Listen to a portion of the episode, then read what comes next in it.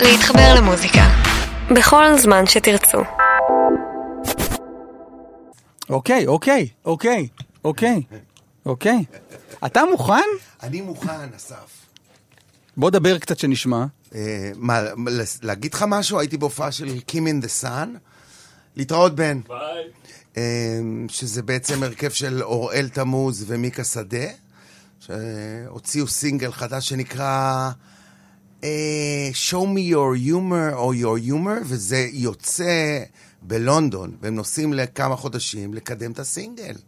אתה מבין? כאילו, אתה ואני פה הולכים להביא אותה בעברית הארדקור, בעוד שאנשים אחרים, צעירים מאיתנו, שעוד לא נולדו להם ילדים, אומרים, למה לא לונדון? מה, מה דחוף לי הישראל הזה?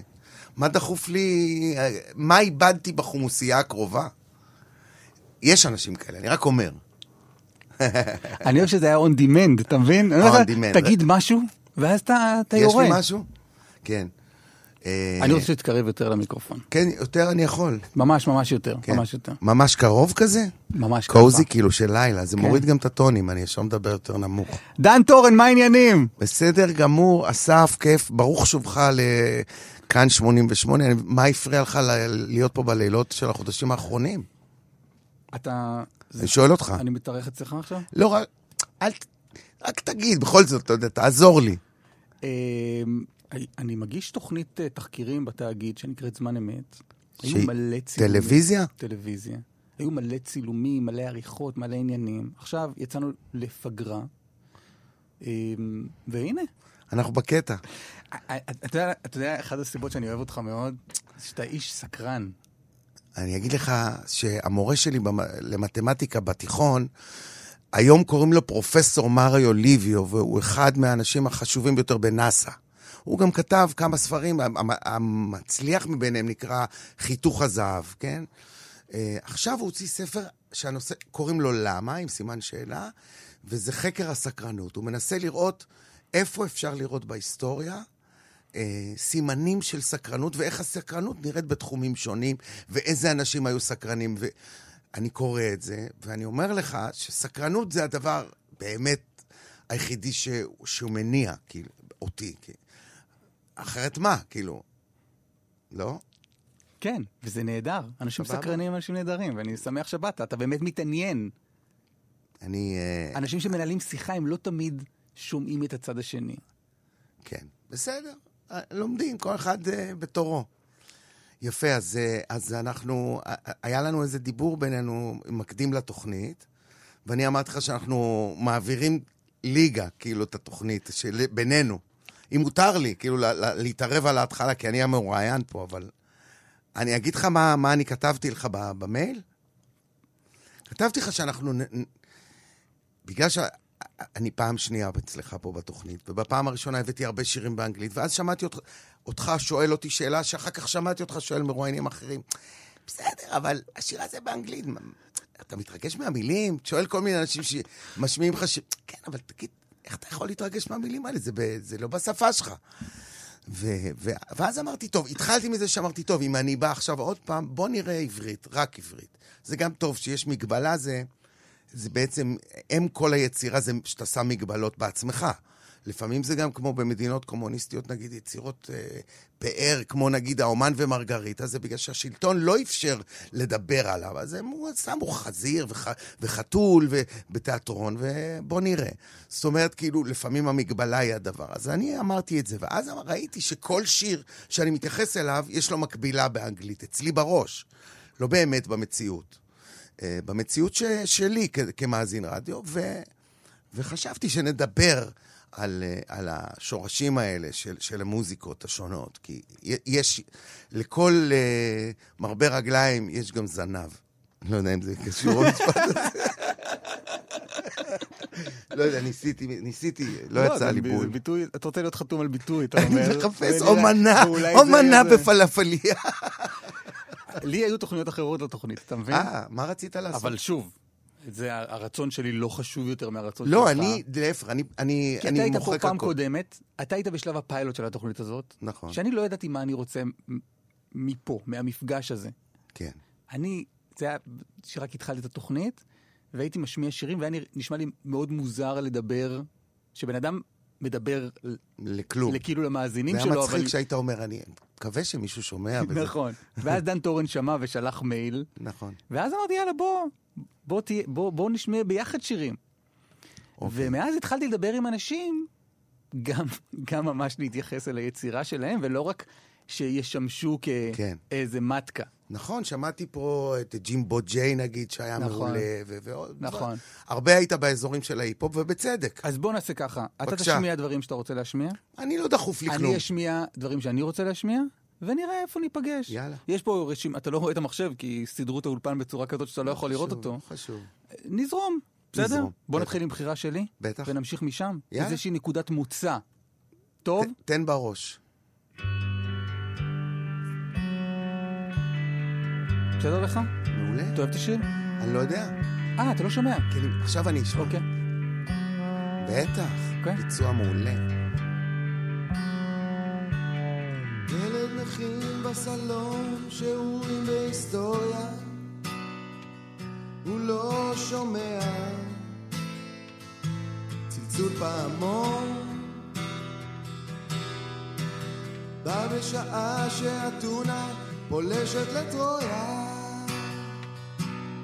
אבא נכנס עם קופסת עוגיות ועיתון.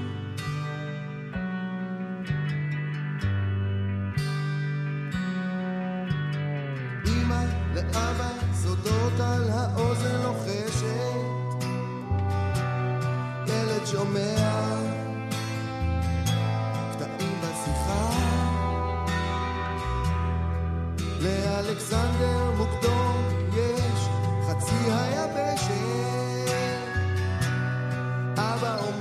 שחצי המשכורת הלכה.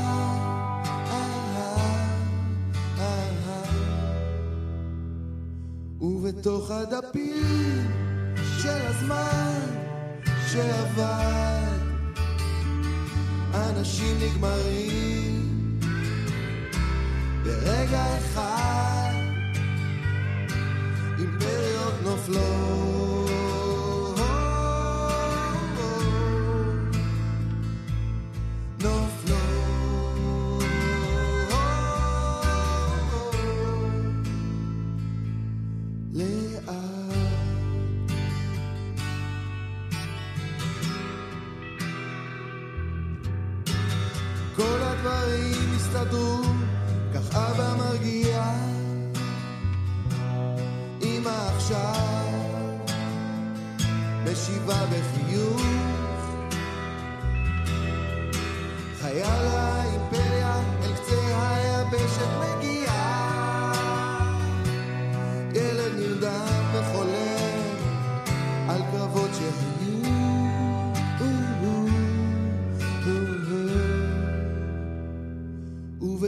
ובתוך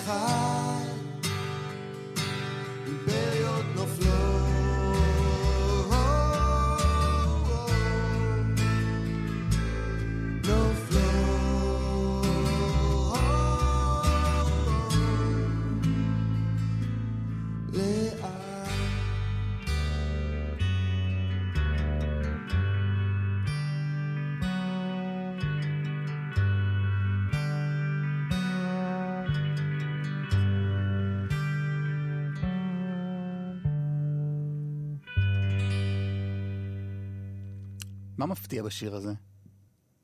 לא יודע. לא כתבת את המילים שלו. נכון. זה מילים של מאיר גולדברג.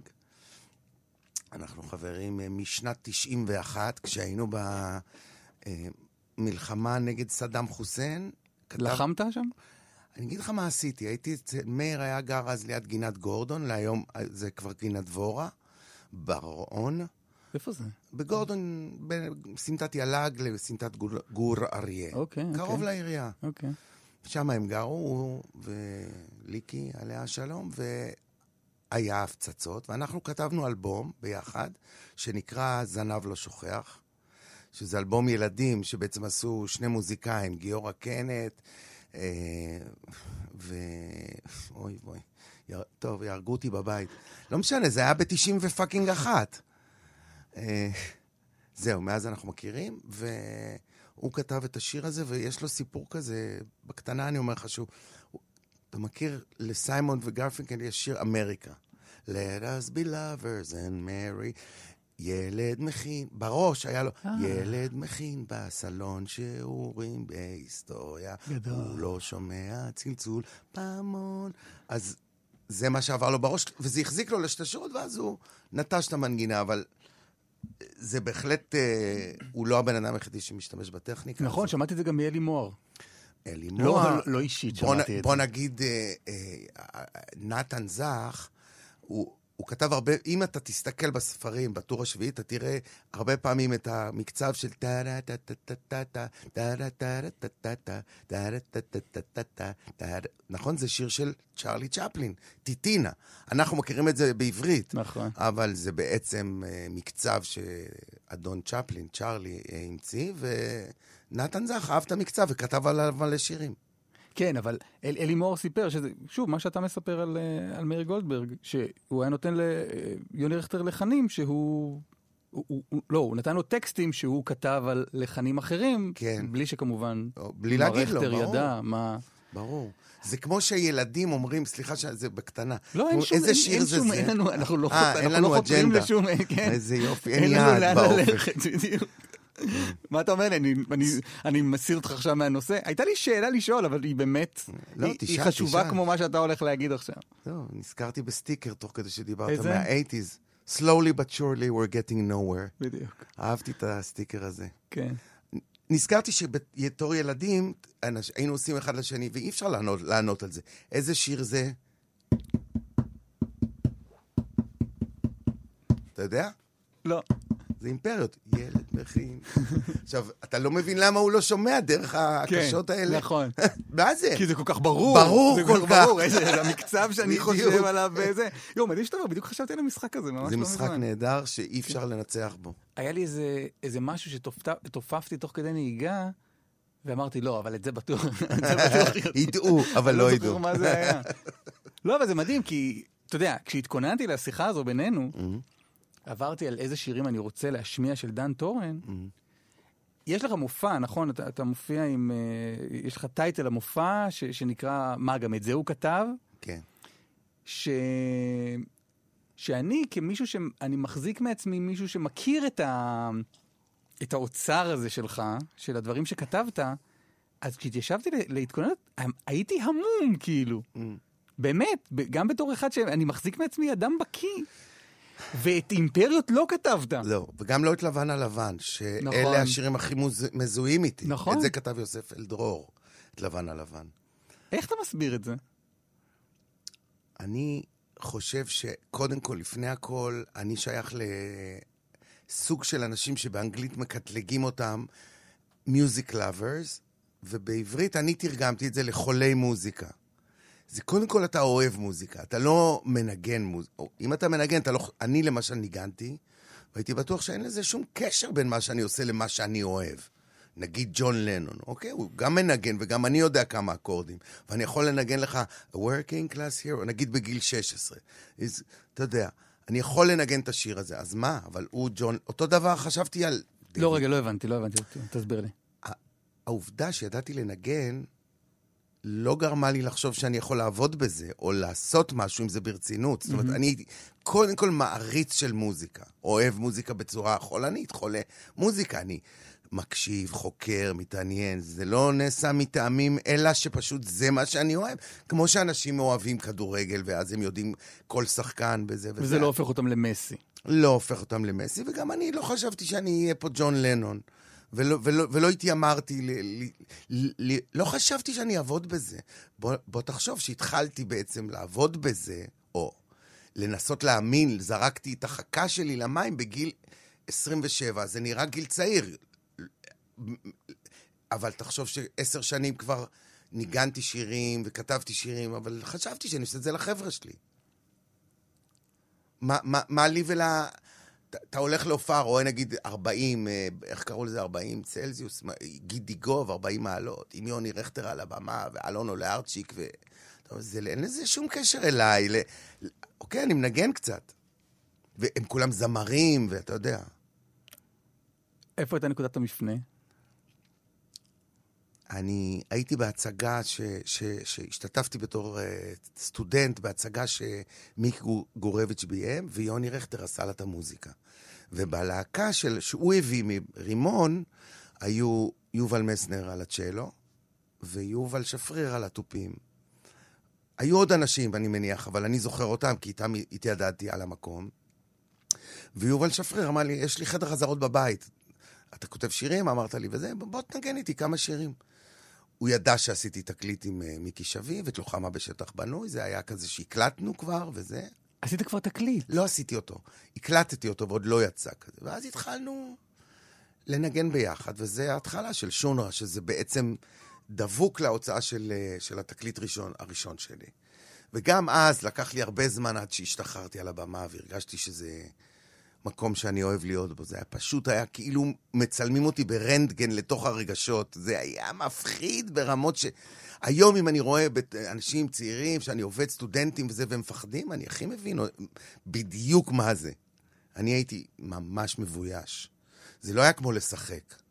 כאילו מסתכלים לך לנשמה, מה, המילים האלה זה המילים שאני אגיד. ו... ולשחק זה היה להטות דמות. כן, שימים דמות, זה נראה לי אז, מה זה השטויות האלה? זה כלול כזה. במובן שהילדים אומרים כלול, לא כלול בכף. אתה מכיר? הצלחתי להבין מה זה, למרות שאני שומע את זה פעם ראשונה. אתה לא שומע שילדים אומרים את זה? זה כלול, אבא. אני לא שומע אנשים אומרים אה, אבא, אז אני אה, אה, פחות... אה, זה פחות אתה ב range הזה כן, של הדיבורים. כן, כן. בסדר, עזוב אותך, הכלבה לא מדברת? לא, לא. רגע, אבל זה לא עונה לשאלה. זה היה מעניין, אבל זה לא עונה לשאלה. מזל שאתה עובד בגלי צה"ל. שאחד השירים הכי, הכי מזוהים איתך... הוא לא אני כתבתי. לא אתה כתבת. אז אני עניתי שאני ש... חולה מוזיקה, ובשבילי, כל יום שאני עושה משהו במוזיקה, לתקן איזה שיר של מישהו, לנגן גיטרה בחלליות של ברי, אתה יודע שאני מנגן את הסולו שם? באמת? כן. בסוף השיר יש סולו ארוך כזה של וואו. כן, כן. כן, היה לי וואו. ברי השתמש בו לאיזה משהו שהוא עשה עם זיק, קבוצת ה... אלה ששורפים את הפסלים. זוכר, מכיר, זוכר כזה דבר? זה פרי- Burning Man. זה קבוצת אומנים שעושים פסל ענק מעץ, נגיד רגע דינוזאור, תדמיין דינוזאור מעץ, וההופעה זה ששורפים את זה. וברי סחרוף היה התזמורת שלהם לאחד ההופעות האלה, והוא השאיל את הוואו, ואז הוא אמר לי, תבוא עם הוואו, תנגן משהו. אתה יודע מה זה בשבילי לנגן גיטה בסולו, ב... אז אתה אומר, אני אוהב מוזיקה, כן, ואני רוצה להיות בזה. ואז מה שבא. בדיוק מה שבא. אה, אה, מאיר גולדברג אה, כותב טקסט.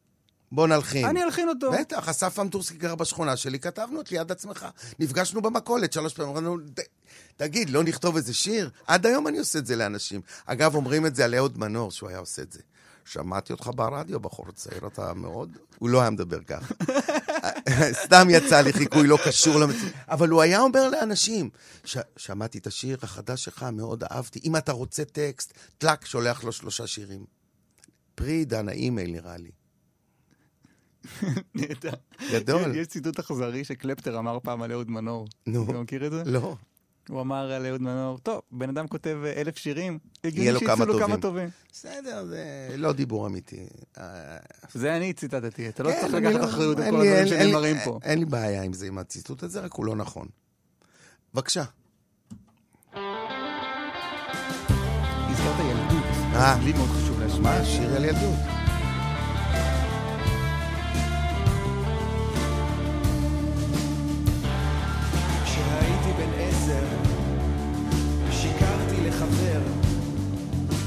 סיפרתי לו שאני נוסע לאמריקה בחופש.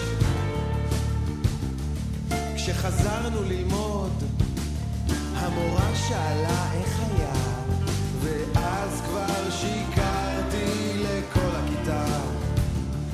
חברה שלי הלכה לשחק,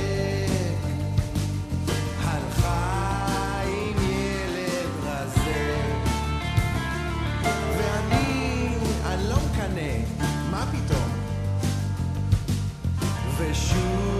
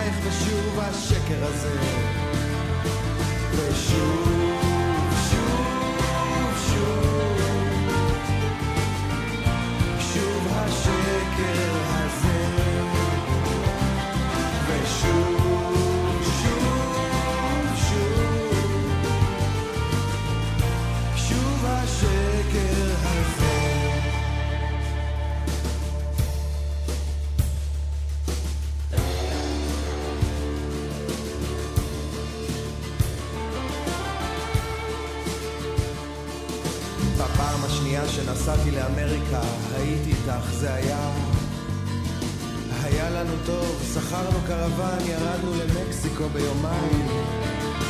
כל יום ברחוב מישהו אחר הציע לך להשתתף באיזה סרט.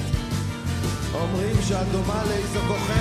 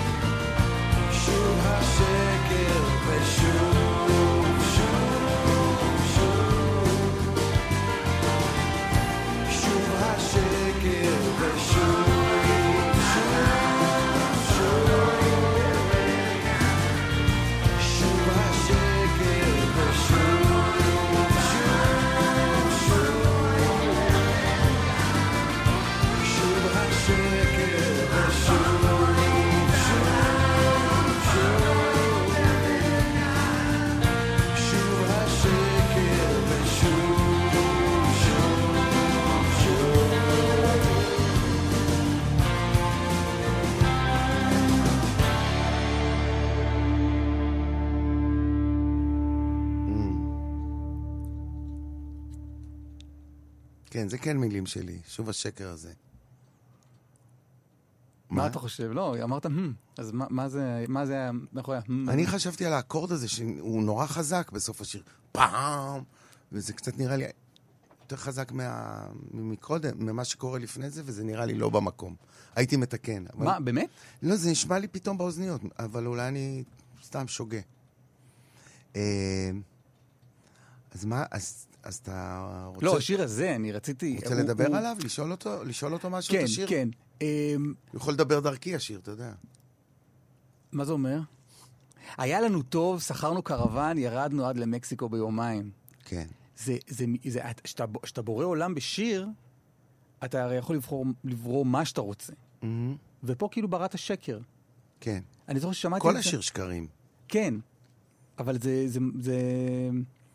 הרי, הרי כל שיר הוא שקר בכלל, כן. אבל, אבל פה אתה כאילו, אתה אומר, הנה, אני, אני מספר... מנסה לבדוק את, ה, את הגבולות של הדבר הזה. אני, אני מכיר את השיר הזה, כאילו, שנים הרי, אני, אני מכיר את השיר, וכששמעתי אותו לקראת התוכנית הזאת, פתאום המשפט הזה כאילו מאוד הדהד לי במין, וואו, אתה בונה פה איזה נוסטלגיה אל משהו שלא קרה. שלא קרה. אני, אני כאילו אמרתי, וואו, איזה חיים זה, אה? לזכור קרוון, לנסוע למקסיקו, יומיים, לקפוץ רגע לזה. בוא נקפוץ למקסיקו, אנחנו כבר במילא בקרוון. כן. ואז אני אומר, הרי דן טורן יכל לשקר לי שזה קרה לו, אבל הוא כאילו משקר לי שהוא משקר פה. כן, הרי אני חושף את זה, אף פעם לא הייתי באמריקה, זה מה שהיה נכון לא כשהשיר? נכתב. אף פעם לא הייתי איתך, זה בלב עליי יותר, שכאילו היינו ביחד, אבל אולי לא היינו ביחד מבחינת מסוימות. אבל לא הייתי באמריקה כשכתבתי את זה, לא הייתי באמריקה. אה, אני- באמת לא היית באמריקה? באמת, נסעתי בגיל... קצת אחרי שהשיר נכתב, כמה שנים. אה, ו... כי גם זה יכול להיות והס- שקר הרי. ועשינו פה, יואב רודה, הבמאי, במאי... אה, אה, עשה הרבה דברים, אבל כיום הוא עושה את הארט של ההופעות, את הוידאוים של ברי סחרוף ואהוד בנאי, זה מה שהוא כרגע עושה, אבל אז הוא עשה הרבה קליפים. איפה הילד אה, לבן בחלום שחור למשל, קליפ מאוד יפה. אז הוא עשה את הקליפ הזה. שרון קנטור ואורן קפלן היו בארצות הברית בטיול, והוא אמר להם, עשו טובה, קחו מצלמה סופר 8, אחת נתן להם לפני הנסיעה, וגם נסע לאמריקה. אז היה לו שתי מצלמות שצילמו באמריקה. תסתכל על הקליפ עוד פעם, תראה בחורה בלונדינית, שרון, ובחור עם שיער ארוך, אורן. הם נפגשו באיזה רגע והוא צילם אותם ביחד. עכשיו, הוא הביא את כל הסופר 8 האלה לארץ, ואז חבר שלו, שהוא בונה תפאורות, בנה לו ויגוואם בחוף פלמחים. ואנחנו, הג- הגיטריסט, עמית לירון ואני, יושבים בוויגוואם, עושים קפה ו- ומנגנים את השיר. והבאנו את זה לחברת תקליטים, תקליטים, אז היה כזה דבר. יואב שכר את ברודקאסט דרום, זה שנמצא פה ברחוב הרכבת, כן, יש כזה דבר, אולפנים גדולים, את החדר הקרנה הגדול, שהיה שם רק לפרסומות, אפילו שילם כסף, כאילו, והוציא מלא כסף על הקליפ, כי, כי הוא עשה קליפ באמריקה, כן, אתה מבין? הזמר, כאילו, הוא הטיס את, את הזמר לאמריקה, אבל הוא לא, איפה שידרו קליפים אז? במלא מקומות. לא העלית את זה ביוטיוב. אז? כן. יש, לא, איזה יוטיוב? היה, אתה יודע, ערוץ תשע, ערוץ, אתה לא זוכר ערוץ תשע? והיה חלוקה כזו של מטב ותבל. ו- נכון, ערוץ רצועת הזהב. קליפים. וזה- אה, כן, תחילת ה... תחילת הזה. את. אוהבת את השיר? מאוד אוהב את השיר, אני מאוד אוהב את השיר, ואני אוהב לנגן אותו בהופעות, ו... ואני אוהב לעשות אותו עם אנשים אחרים. נגיד דנה ברגר מאוד אוהבת את השיר, אז יש כזה ביצועים שאנחנו עושים ביחד, והיא שרה חלק מהשיר. היא אומרת, פעם- אה, הייתי באמריקה, כל פעם אומרים שאני כוכבת, אז היא עושה את הבית הזה. אה, אם הזכרת את דנה, בבקשה, אז אני הולך לבחירה שלך. אוקיי. אתה בחרת להשמיע את זה. הנה בא הרגע, הנה הגיעה השעה. אתה אורז את התיק הגדול, אתה הולך לי לצבא. ומי מבטיח שהכל יהיה בסדר? מי מבטיח שתחזור שלם? אמרו שלא בטוח שתצאו הביתה לשבת. אמרו היום בחדשות ששוב יש מתח בצפון. רוחות של קרב נושבות עכשיו. אמרו ששוב סוער, אמן שלא ייקחו לך את הפלאפון. בבקשה, סמס לי איזה אות, כדי שאוכל לישון. ואם אתה חולם עכשיו על מה אתה חולם, ואם אתה לוחם עכשיו על מה אתה לוחם, האם אתה שבור עכשיו, האם אתה שלם, למי אתה מתגעגע, ילד? שמרי את דמעותייך, אמא, אמרת לי שלשום. מילא לא לבכות אמרתי, אבל איך אני אוכל לנשום? האם אתה בסדר? תגיד כבר משהו בחיי. שנים אמרתי יש עוד זמן, עד שיהיה לי בן חייל.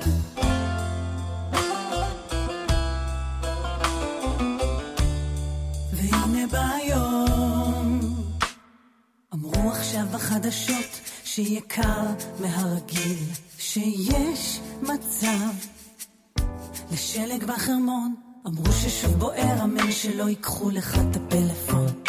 בבקשה, סמס לי איזה אות, חייבת כבר לישון. אם אתה חולם עכשיו על מה אתה חולם, אם אתה לוחם עכשיו על מה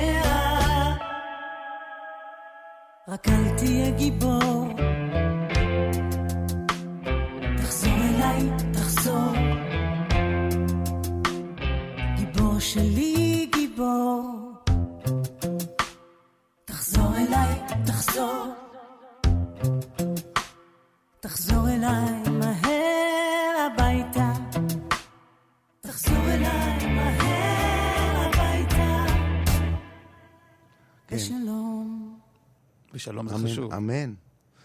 שמע, אה, דנה כתבה את השיר הזה, ורק אני רוצה להגיד למען מאזיננו, האלה שהם באמת אה, חפרנים כמוני, יצאה גרסה מאוד יפה, אקוסטית, שמשה לוי מנגן פסנתר, ודנה שרה ומנגנת אקוסטית, היא מנגנת מעולה. וזו גרסה שהיא יותר מחמיאה לשיר הזה. הבן של דנה הוא בן תשע, הוא לא בן חייל, כן? וזה לא בעניין של שקר, אלא הוא פשוט, הוא יהיה חייל עוד. אפשר לחשב לבד. אה, אז זה השיר הזה, ו... אני, אני- אני, אומר, אני אומר לך, כמי שעדיין אין לו ילד, כן, אני גם אה, הייתי יכול לכתוב להיות. שיר כזה. כן, אז זה מטריד אותי מאוד. ברור. ההתגייסותו של בני העתידי. זה, זה דבר... אה, שמע, אני אגיד לך משהו שנזכרתי כששמענו את השיר, אז רק אני מסיים שתשמעו את הגרסה. יש את זה ביוטיוב, זו גרסה מעולה. בכל מקרה, בן חייל של דנה ברגר. כן, אז uh, יצא לי באחת הפעמים לערוך את uh, עוד מעט נהפוך לשיר של גלי צה"ל. אני לא זוכר באיזה שנה זה היה, אבל אני, מאיר עשה, מאיר גולדברג עשה שנה אחת, ובטח עוד uh, uh, כותבים uh, פנו אליהם, כי אתה צריך לראות כמות של... אני ראיתי כארבעת אלפים שירי חיילים שנפלו, לבחור את השירים שנשלח למלחינים, שהמפיקה, אז, דאז, תשלח להם, סינון כזה, כן? רגע, לא הבנתי. אני- התפקיד- אני- שלך היה לסנן טקסטים? לסנן אתה לא, טקסטים. עשי- לא הלחנת ו... גם? הלחנתי שיר אחד, יש רוצה ויהיה של אה, אורי אס. אח שלו עיתונאי, והוא היה... זה שיר שנקרא רוצה ויהיה. לא רוצה ויהיה, אולי כן, רוצה ויהיה. רוצה להיות. רוצה להיות. אתה תראה שזה ביוטיוב עם. עם שליחי הבלוז. לא משנה, אז אה, הטילו עליי לקרוא ארבעת אלפים שירים של אנשים ש... שנהרגו, כן? במלחמות ישראל. ואתה, את- אני יכול להגיד לך שהטון הכללי, נד- נדירים השירים כמו שמצאתי של אורי אס, שהוא שיר קליל. הטון הכללי זה אימת מוות. זה אנשים, אני לא רוצה להיכנס כאן עם הפרמינישם שלהם, עם התחושה המקדימה הזאת, השפיעה על המוות שלהם או לא, אין לי מושג. אני יכול להגיד לך מהשירים, שאתה לא צריך להיות פסיכולוג בשביל לדעת שהבן אדם שכתב אותם מבועת אה, נורא. וזה מאוד קשה לקרוא ארבעת אלפים כאלה, ו- ובטח להיות ההורים של האנשים האלה. מה זה, זוועות חיות. לא, זה מפתיע שבחרת דווקא שיר שהוא בורח מזה. הבן חייל? לא, השיר שאתה בחרת להלחין בעוד מעט אני לא הייתי. מסוגל. ואני אגיד לך, התקשר אליי א' קובלנץ, אז, לא שהיינו חברים. היה אז אה, מנהל גלגלצ? היה מנהל גלגלצ, ואמר לי, דן, אה, למה, למה בחרת את זה? אמרתי, א', שלחתם, ב', הוא לא נהרג. ואז אה, כאילו הם העבירו לי אותה ושמו אותו פעם אחת ברדיו, לא, בחיים לא שמו את זה יותר. כי זה שיר חרמנות. כי בן 18 אתה יכול או לפחד מהמוות, או שאתה לא יודע מה לעשות עם הבולבול שלך. כפי שאתה זוכר, בטח עוד. ואתה אומר, fuck, מה יהיה? כאילו, לאן אני הולך עם הדבר הזה? לאן אני אגיע? איפה, מתי אני אגיע ל... first base, איך קוראים לזה בבייסבול? ובגלגלצ רצו בטח אה, את, ה, את השירים של אה, כן, שום דבר לא טבעי. יפגע בי כאלה. זה טבעי, זה, זה, אני מבין אותם, כאילו, אתה יודע, יום הזיכרון, פתאום אה, מישהו מתקרנן להם עם אה, גיטרות חשמליות, ואני רוצה להיות החולצה שלך, רוצה להיות השידה ליד המיטה שלך, כפתור שלך, הסבון שלך. רגע, אבל לא רצית לבחור שיר שישמיעו מלא אחר כך ברדיו? לא, רציתי לעשות את השיר הזה. מה, תראה, אני אגיד לך משהו. על לונג'יביטי, אני לא יודע, אורך החיים של השירים. אין, אני, אנחנו לא יודעים מה גורם לשיר להיות ארוך חיים או להיות קצר חיים. אנחנו יודעים שנגיד באירוויזיון יש מעט שירים שהאריכו חיים, נכון?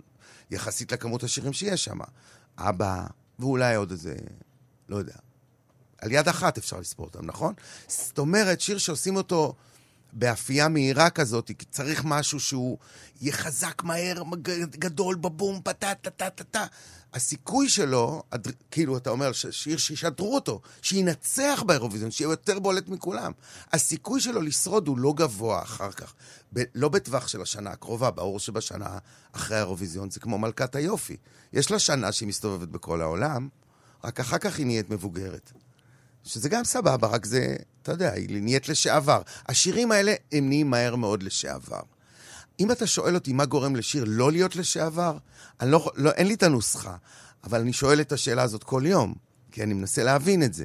רגע, הרי אם יש מישהו שאמור לדעת מה הופך שיר ללהיט, הוא יושב איתנו פה באולפן. אבל אנחנו לא יודעים, אני רק, אני, ותשים לב, אני דיברתי איתך לפני הפרסומות על ה... איך אתם קוראים לזה היום בפרס... באורך חיי המדף? יש לכם ביטוי כזה? לונג'יביטי, כמה זה יחיה?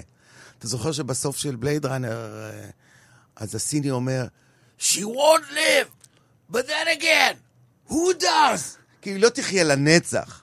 אתה זוכר את הדבר הזה? בטח. אז אותו דבר, מה אורך החיים של שיר? אני לא...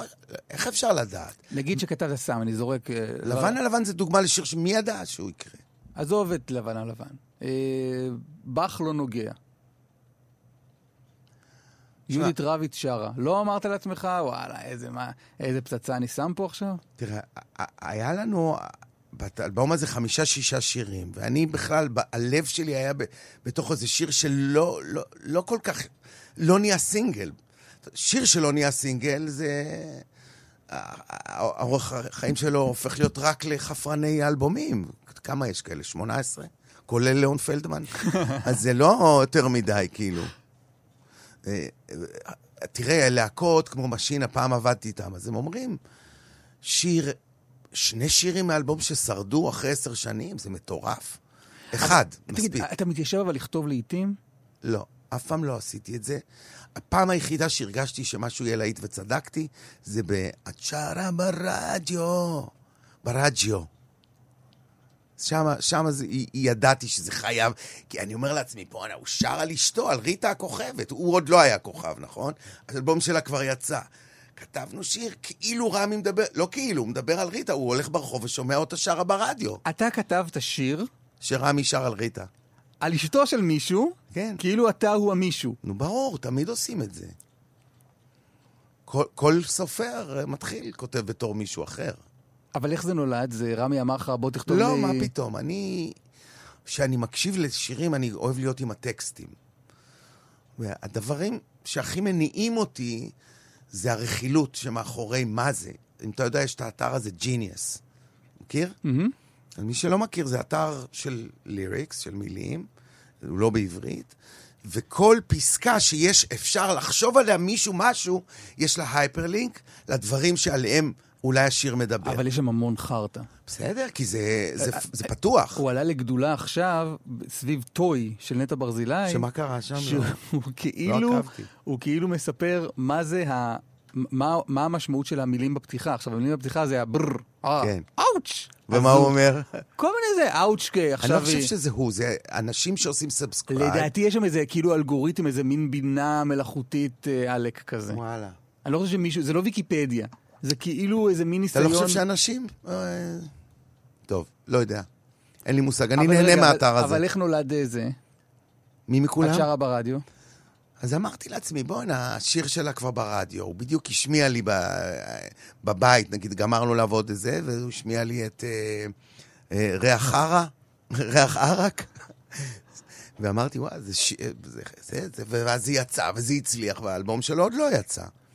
אז אמרתי, בואנה, הוא הולך ברחוב, שם הם גרו, נגיד, אה, לצורך העניין, כמו שאומרים. אתה מכיר את זה שאומרים, בזמן מסוים, בתקופה מסוימת, עשיתי דבר מסוים שהיה אסור לדבר עליו מסיבה מסוימת. אז לצורך העניין, הם גרו ליד העירייה. דמיינתי אותו הולך שם כזה, בשדרות, נגיד, שדרות חן, ושומע באיזה אוטו את השיר של אשתו, והוא הולך ברגל, שומע. אז אתה כתבת את זה מתוך החוויה שלו. כן. לא יודע. אני לא- עושה מלא שירים לא, כאלה. כי אני כשאמרתי את השיר הזה, אמרתי לעצמי, אולי אה, אולי היית שכיר חרב שלו. שכיר חרב אומרים על דברים כאלה? אתה מבין למה אני מתכוון. הוא אומר, סופר צללים? כן, תכתוב לי על ה... איך בדיוק. זה... לא, תכתוב לי על זה ה- לא עובד ככה, אסף. תחשוב רגע על, על השירים של גיא ויעל, שאני יודע שהקשבת לאלבום עכשיו, ואני ביקשתי שיר מסוים מהאלבום הזה. אז אתה יודע, אני בן 58 באוקטובר, והם, תן להם 30, לא נכון, אה, יעל כבר אה, יותר, אבל בגדול הם, הם חצי ממני. והנושאים שהם מתעסקים איתם, והמקום שהם באו ממנו, וה, והאהבה שלהם לפופ ופופ רוק כזה, זה מקום אחר ממני, אבל אני מנסה להיות הם. הדבר הזה שהוא גיא ויעל, הוא אפילו לא גיא או יעל, הוא לא, גיא... אבל, אבל גיא ויעל זה משהו אחר. רגע, שנייה. אה, זה אותו דבר. עוד רגע נגיע לגיא ויעל. אותו דבר. אני לוחץ play על רמי קליינשטיין, תן לו בראש. ואז אנחנו נדבר מה על גיא אנחנו ויעל. יום של הפצצה? עוד על ב- מה שדיברנו עכשיו. אה, את שרה ברדיו. אתה בסדר. נותן את הלהיט. בסדר? איזה כיף, איזה גיטרות. שים, אייטיז לפנים.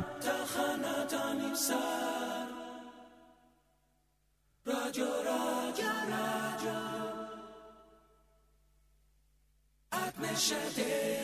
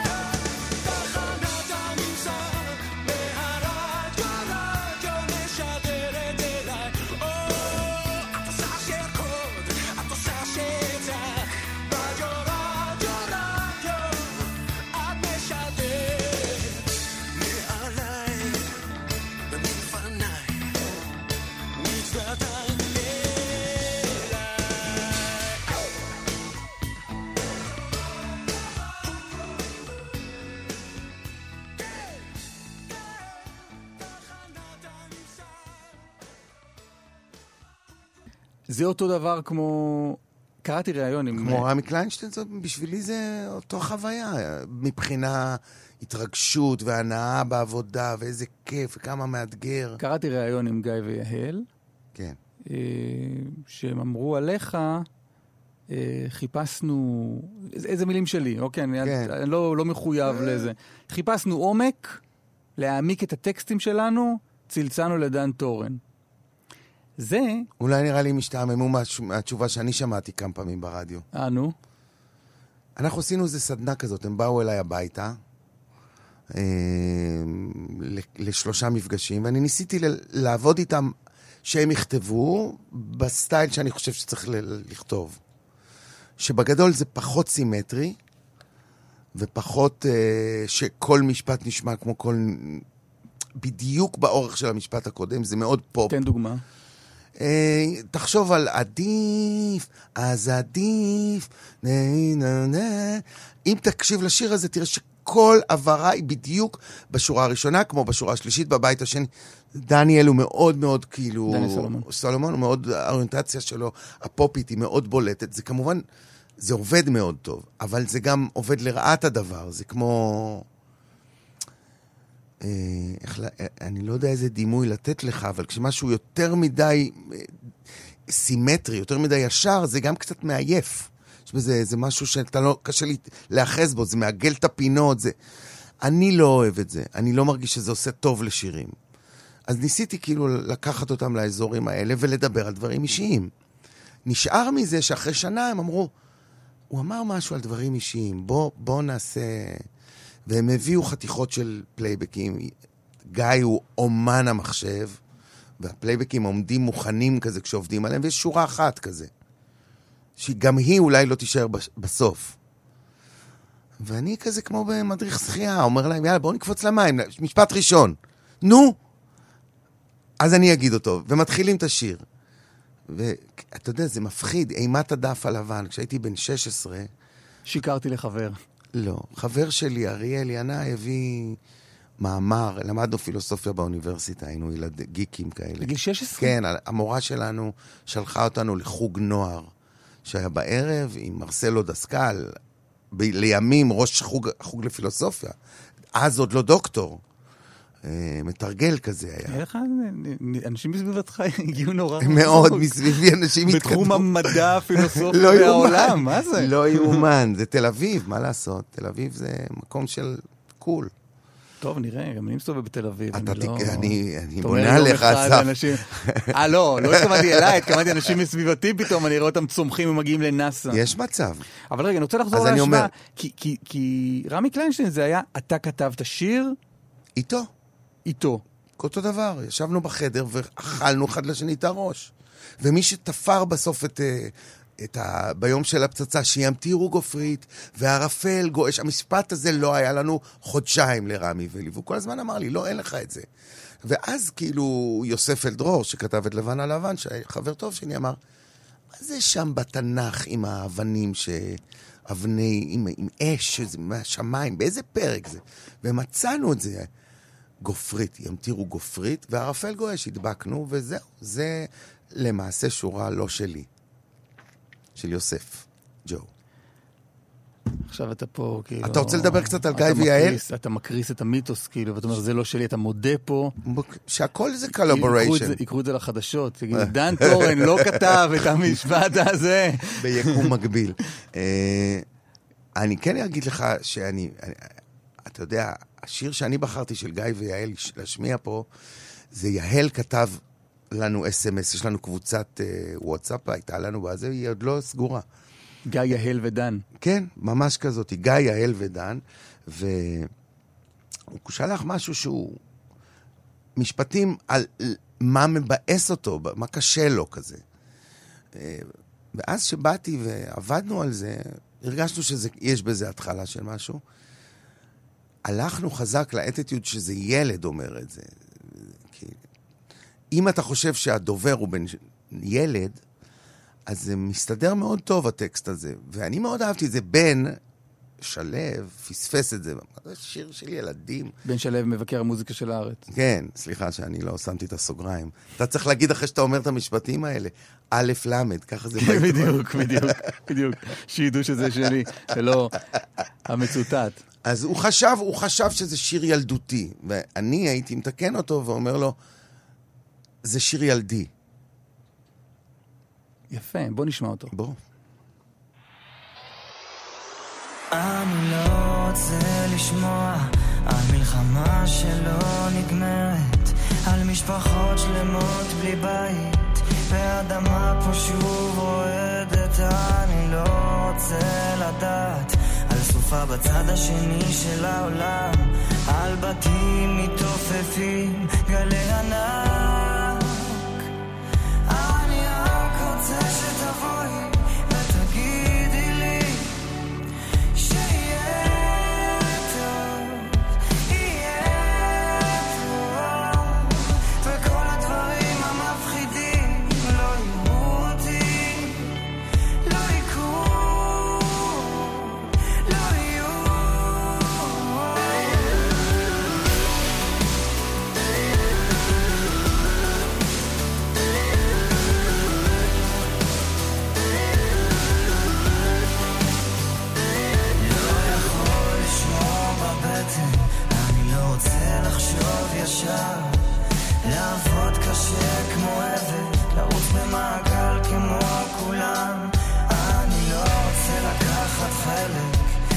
במשחק המכור של העולם. לפחד ולא לחלום רחוק מדי.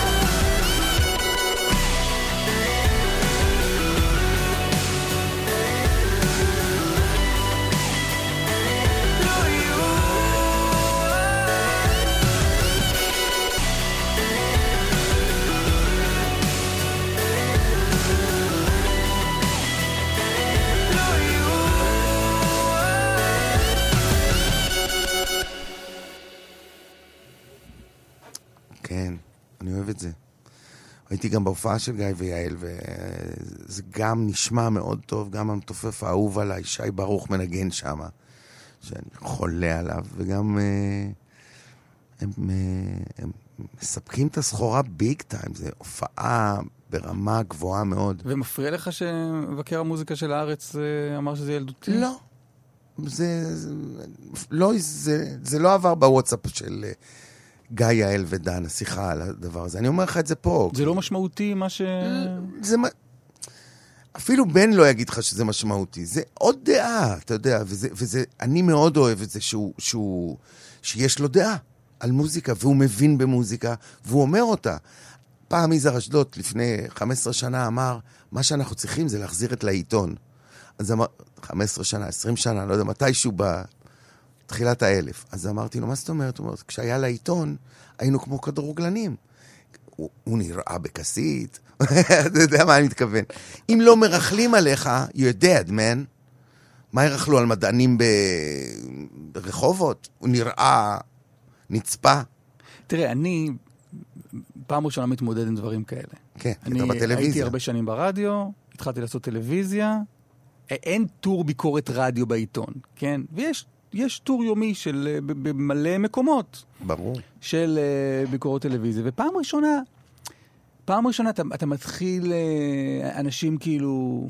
מתייחסים. כן, אתה יוצא מזה ואז אנשים פתאום מתחילים לדבר על הפרסונה הטלוויזיונית שלך ו- ומה אתה מביא איתך ואז אתה באיזה מין, אוקיי, רגע, מה, פרסונה טלוויזיונית? לא ידעתי שיש, שיש דבר כזה פרסונה טלוויזיונית ש... אתה לרגע מתחיל לראות את עצמך מבחוץ. כן.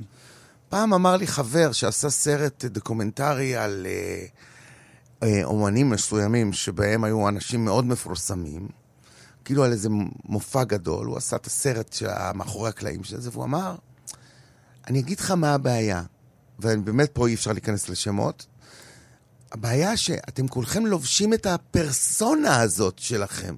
אמרתי לו, מה זאת אומרת? אז הוא אמר, הוא מתנהג כמו הדבר הזה שאני רואה בטלוויזיה. למה הוא מתנהג ככה בחדר חזרות? זה משונה נורא. זה מה אמר הבמאי הדוקומנטרי, שואף, שואף האמת. אבל בגדול, מה שאתה מספר על עצמך זה הדבר הזה ש... ברגע שמישהו מסתכל עליך מבחוץ, אתה, ואתה יכול לראות מה הוא רואה מבחוץ, זה חוויה נורא משונה. חוץ גופית הייתי קורא לה.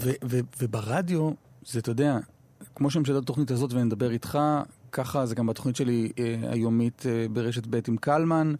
אנחנו, אתה יודע, אנחנו הכי עצמנו. כן, ברור. ברור. רדיו זה דבר נהדר. כן. זו המסקנה של הסיפור הזה. אני רוצה רגע לחזור ל... בבקשה. לחזור. אני רוצה רגע לדבר עליך פשוט, זה מה שרציתי לעשות. Mm. אם אנחנו כבר ב... באופן שבו אתה, אתה כותב, דיברנו על איך שאתה כותב עם... איך שכתבת עם רמי, איך שאתה כותב עם גיא ויעל. תן לי משהו מה... אתה כותב המון שנים כבר, אפשר להגיד המון שנים עם כן. ברי סחרוף. כן? מ-90 ומשהו, כן. זה, זה, אני מניח, הליך כתיבה קצת אחר מאשר עם אה, גיא ויעל, או מה שהיה עם רמי. קודם כל זה באמת תהליך ארוך. ב', ב- ברי הוא, זה כבר נאמר בהרבה מקומות. אה, לא מחפשים פה סקופים, דה. כן, כן, לא, אבל זה לא עניין של... הוא אומר את זה הרבה פעמים, שהוא, יש לו יראת השפה. הוא קורא שירה, קרא שירה, אוהב, אוהב את השפה העברית. וכשהוא התחיל לעשות מוזיקה, הוא אמר, מה, מה, נגיד הוא עשה שיר של צ'רניחובסקי, נכון? אה, אה, באלבום הראשון, איך זה נקרא? אה, אה, אה, אה, אני לא זוכר, זה שיר מעולה. אה, ועשה דוד אבידן שם באלבום הזה, נכון? משוררים, אלבום כמו של נכון. פעם כזה, כמו שהיו עושים פעם, מלחינים שירי משוררים. אינני אוהב אותה. אינני אוהב אותה, אינני אוהב כלל. שיר מעולה. ואז פתאום, כאילו, באתי אני ואמרתי לו, ברי, אבל תכתוב על ה... קשה לך עם הילד בגן, תכתוב על זה, אני יודע מה. אמר לי, מה זאת אומרת? אמרתי לו, אז על מה, על מה תכתוב? בוא נכתוב על ה... ו- ו- ו- ו- והוא, בגלל שהוא כזה באמת מרגיש שבמנגינות הוא יכול בשנייה להוציא. כל רגע הוא יכול להוליד מנגינה מהגיטרה. אבל מילים זה לשבת אה, שעות על שעות על שעות על כל משפט. והוא גם יצר בעזרת זה, לי יש איזשהו חלק אולי בזה, אבל זה, זה בא ממנו, דרך שבה השירים גם, אם תסתכל על השירים, גם אפשר להבין מה הנושא, וגם המון חלקים בפאזל חסרים. וזה לפעמים אנשים אומרים לי, תעשה לי כמו עם ברי, שבוא נעשה כמו, לא תעשה לי, בוא נעשה כמו עם ברי, שגם לא מבינים. איך זה? אתה אומר לי שיהיה מובן, אבל אצל ברי זה גם מובן וגם לא מובן. אבל זה הוא, זה לא אני. הוא פשוט, תחשוב כשהוא מתראיין, אתה לא יודע עליו כלום. שמעת פעם עליו משהו? כלום. הוא מתראיין כאילו הוא, הוא אבן עם מים כזה. לא, זה. מים מחליקות עליו, הוא לא, כלום לא קורה. אבל יש איזה משהו... תראה, אנשים זה דבר מאכזב.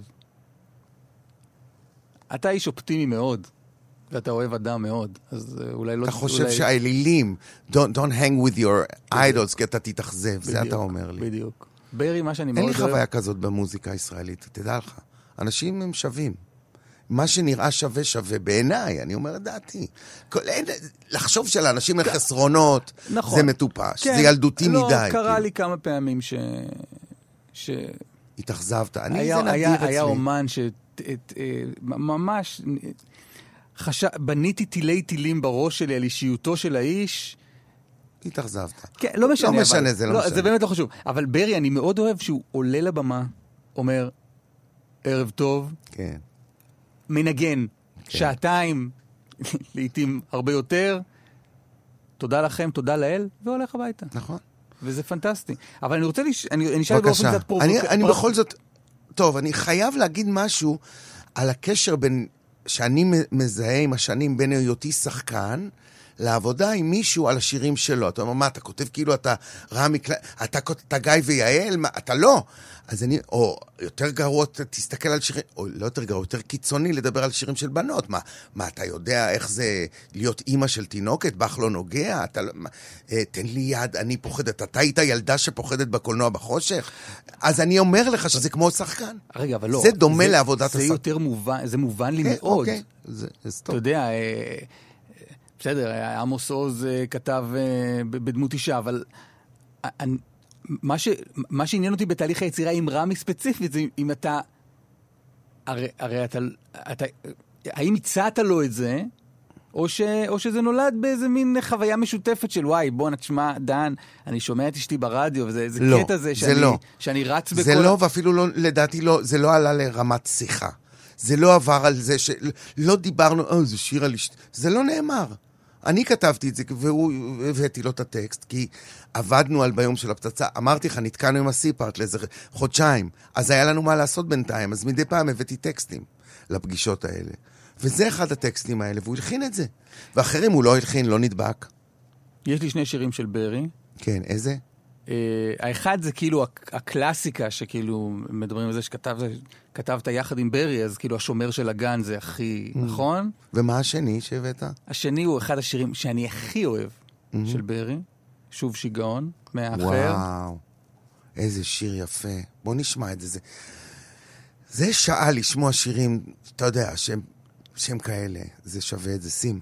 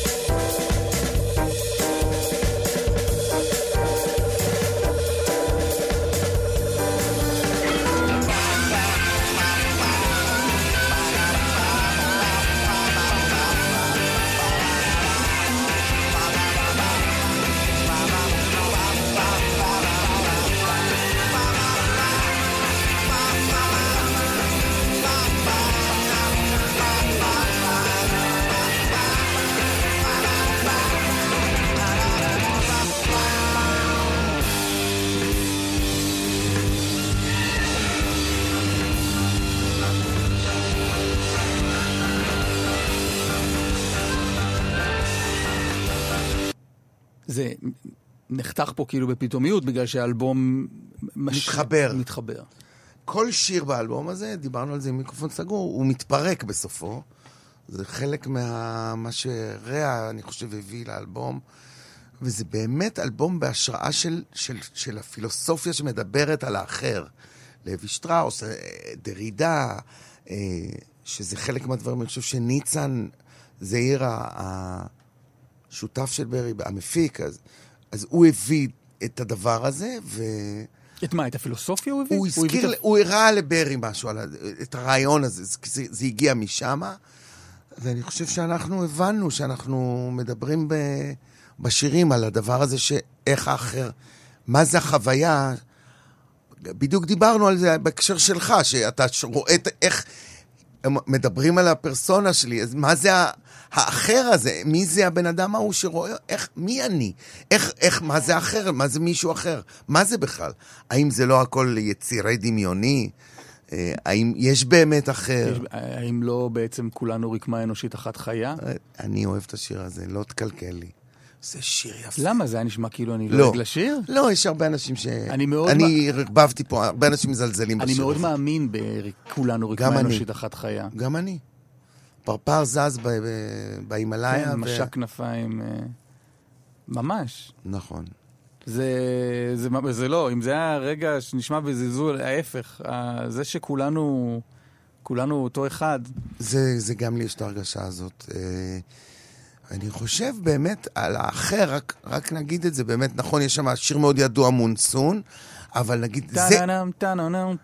זה לא שמעתי את זה המון שנים, כי זה לא בהופעות. ברי לא מבצע את זה בהופעות. צריך אבל להגיד, אז שנה 2001, כשהאלבום הזה יוצא, אה, התאומים נפלו. התאומים נפלו, היו פה פיגועים אה, קשים מאוד בסביבתנו. תזכיר את איזה אזור של פיגועים זה היה, מה זה היה, איפה? זה אינתיפאדה-? אינתיפאדה שנייה. כן, דיזינגוף, אה, היה- סנטר? דיזינגוף אוטובוס? סנטר, עם קו חמש, אם זה כן, היה קו זה, חמש? לא יודע. לא, כבר לא.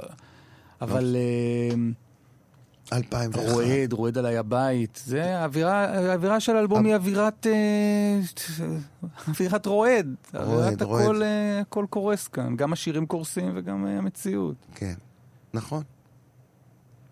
אבל ראה איזה פלא, אנחנו עדיין מסתובבים פה. למרות כל הפשעים שעשינו, וגם נעשה, נעשו לנו, הכל ביחד. אני לא פה חושב שיש טובים ורעים, יש גם טובים וגם רעים. לפעמים זה הם, לפעמים זה אנחנו. אבל למה, למה, אני אשאל את זה פרובוקטיבי, בסדר? בבקשה. למה, למה, למה הוא צריך אותך?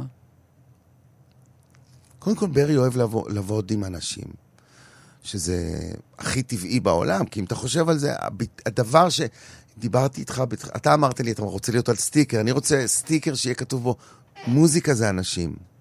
וזה באמת מה שאני מרגיש. שזה אנשים שאתה פוגש ועושה איתם משהו, ו... ובודק איתם דברים, ומנסה איתם דברים, וכותב איתם, ומופיע איתם, ומקליט איתם, או רק... לא חשוב, זה משהו שהוא מאוד מאוד אינטראקציה. ואני חושב שברי, הוא... תראה שהוא שמר על קשר עם כל הנגנים שהוא עבד איתם אי פעם, הם עדיין, בכל כל תקליט, חלק מהם, או מישהו אחר מהם חוזר, ואני חושב שהוא גם אוהב אנשים, וגם הוא נאמן לאנשים שהוא... ש... שנתנו לו, אז הוא רוצה לתת בחזרה. זה... גם זה נאמר הרבה פעמים, הוא באמת משכמו ומעלה, הבן אדם הזה. באמת, בן אדם, אין הרבה כאלה. לא רק במוזיקה, בלהיות בן אדם. איזה כיף לשמוע את זה.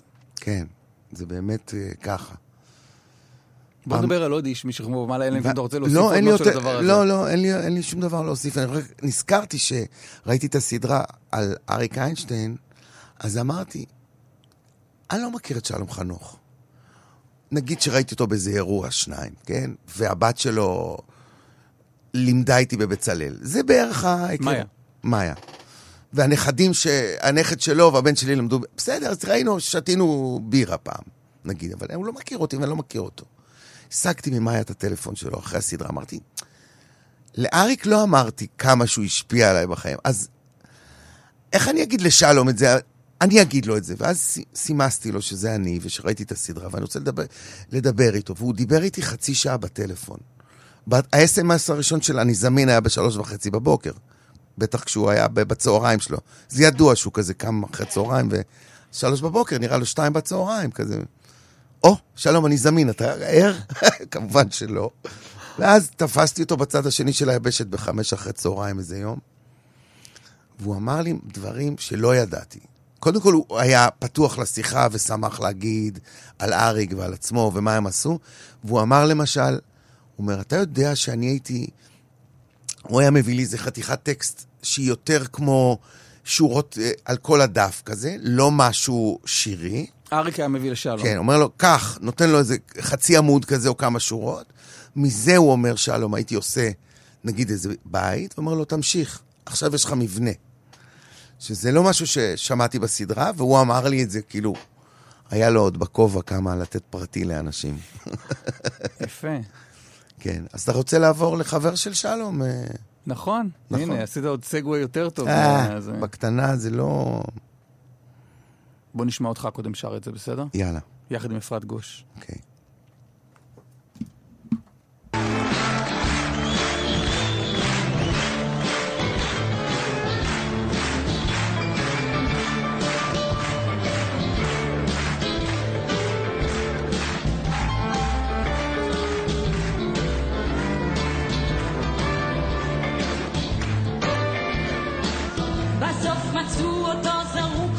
עץ אשכוליות, אחד חשבו שזהו זה, הרי הכל יכול להיות נחת. מאידך התברר, זה לפי שעה בסדר, שתי סתירות הוא התעורר, אם כי בדרך אל החדר, והוא חשב שאם ממילא גוררים אותו שני אלה, ושקע שוב בתנומה, נו מה? כל עוד ננשפת הגרירה, זה רק נגמר בעוד סתירה.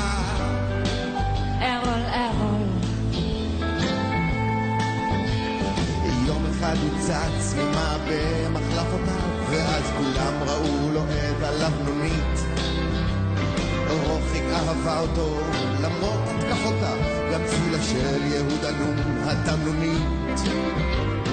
יום שבת אחד הפיוקים מקיר לקיר חולף יהודה נון על פני מחסן פחים.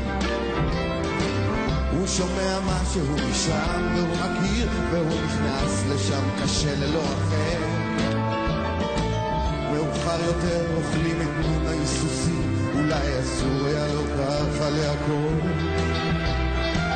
הם גוברים ככל שהם נמשכים החיפושים. זאת היא הייתה צריכה לחטוף את המקום ורוחיק אהבה אותו אומרים שגם אביבה ויש אומרים יסוד סביר לחשוב שגם עקיבא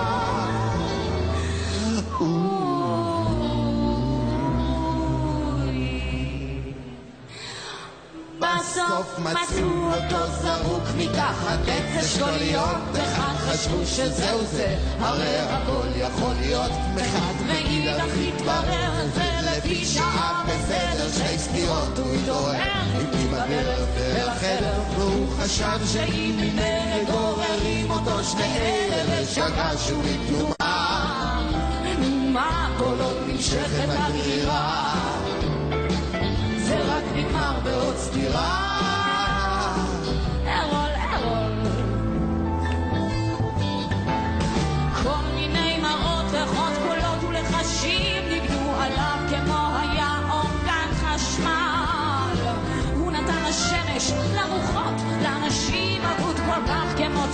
שלא נגמר.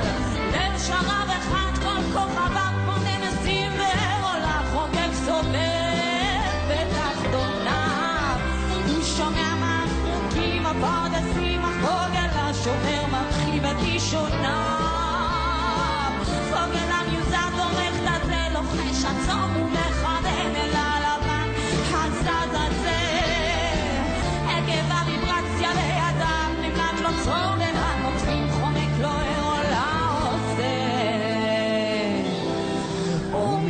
נותנת לחשיכה במקום שם יש כאילו.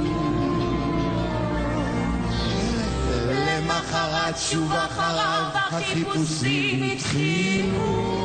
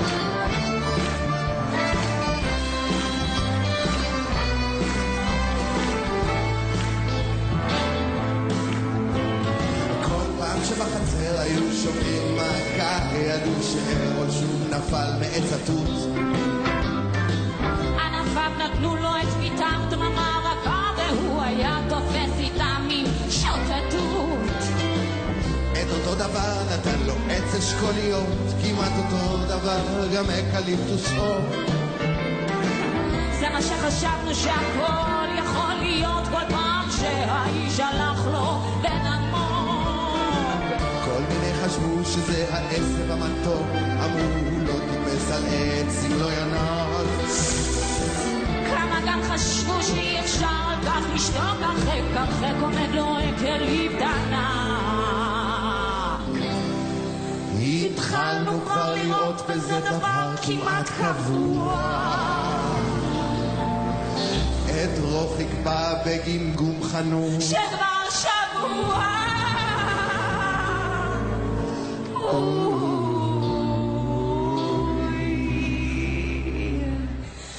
בסוף מצאו אותו זרוק מתחת אקליפטוס עוד אחד חשבו שזה מקרה רגיל ולא צריך לדאוג מחד מאידך מתברר זה לגמרי לא בסדר שש סטירות לא התעורר גם לא בדרך אל החדר והיא הבינה זאת ממילא גם בלי מבטים שני אלה היא ראתה את זה מזמן היא אהבה אותו אז מה בכיתי גם אני איתה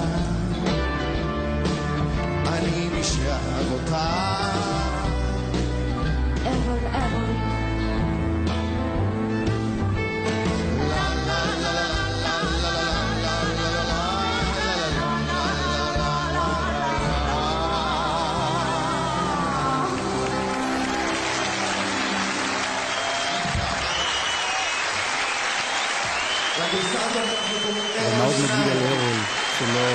שלא- נאמר כבר? אני שומע שאני אומר פה ארול, לגרסה הזאת אנחנו קוראים ארול 2, כי הוא אומר ארול 1. הרול אחד.